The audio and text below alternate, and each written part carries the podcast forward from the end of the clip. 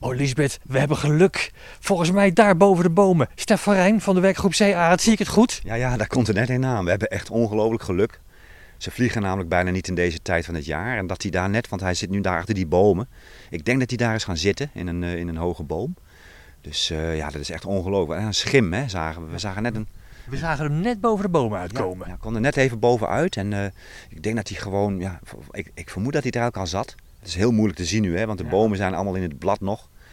En uh, ja, hij zit daar gewoon ergens in de boom nu, denk ik. Het was maar een paar seconden. Maar wat een statig gezicht was het, hè? Met die enorme vleugels. Ja, ja, ja dat is me nogal wat, hè? Zo'n zo'n zo'n arend, hè? Vijf kilo bijna.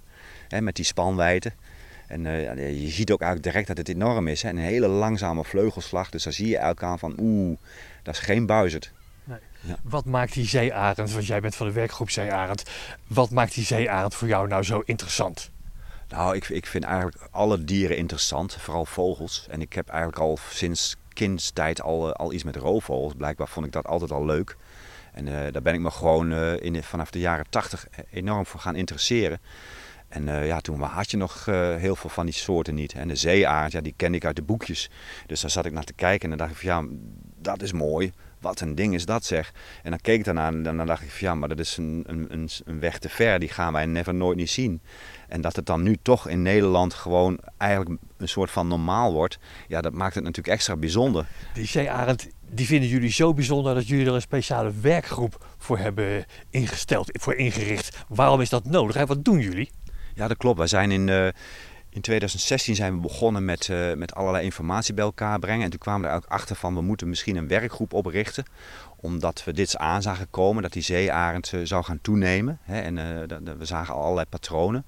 En toen bedachten we van ja, dan is het misschien ook wel bescherming nodig. En dat blijkt inderdaad zo te zijn omdat we toch wel in een kwetsbaar landje leven met, met veel mensen. En dus ook heel veel verstoring.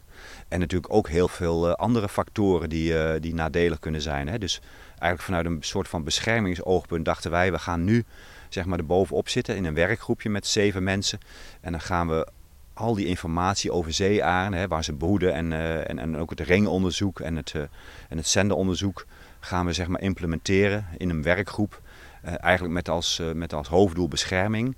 Maar ook gewoon om, om te kunnen monitoren wat er gebeurt. Hè, om ja. het gewoon vast te leggen, te documenteren hè, wat er precies gebeurt. En zo weet je dat er dit jaar weer meer zeearenden in Nederland en ook in Gelderland gebroed hebben dan de jaren daarvoor. Waar gaat dat heen in de toekomst? Ja, Nee, dat klopt. Er zijn dus inderdaad nu dus, steeds meer zeearenden gekomen. En uh, wat we nu inderdaad zien is dat die groei die gaat nu zo hard. Hè, van, van 20 uh, drie jaar geleden naar, naar 36 in 2023.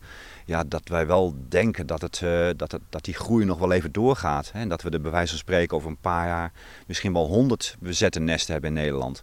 En dan wordt het langzamerhand natuurlijk, dat zul je begrijpen, een steeds normalere verschijning. Zo'n imposante vogel. Ja, die heeft wel één hele grote vijand, hè? Windmolens. Ja, turbines is een van, de, uh, van de dingen waar ze echt last van hebben. En dat is uh, op dit moment eigenlijk vooral in Duitsland. Hè? Dus het is op dit moment eigenlijk echt een Duits probleem. En dat is niet zo raar, want in Duitsland heb je veel zee aan. Daar is die groei al veel eerder begonnen, dus daar heb je er al echt veel. Duitsland is echt al een beetje volgelopen. En in Duitsland heb je heel veel windparken. Dus in Duitsland, dat weten we ook uit de statistieken, daar zijn al, uh, al, al meer dan 200 arenden ook gevonden. Terwijl er niet eens echt naar wordt gezocht.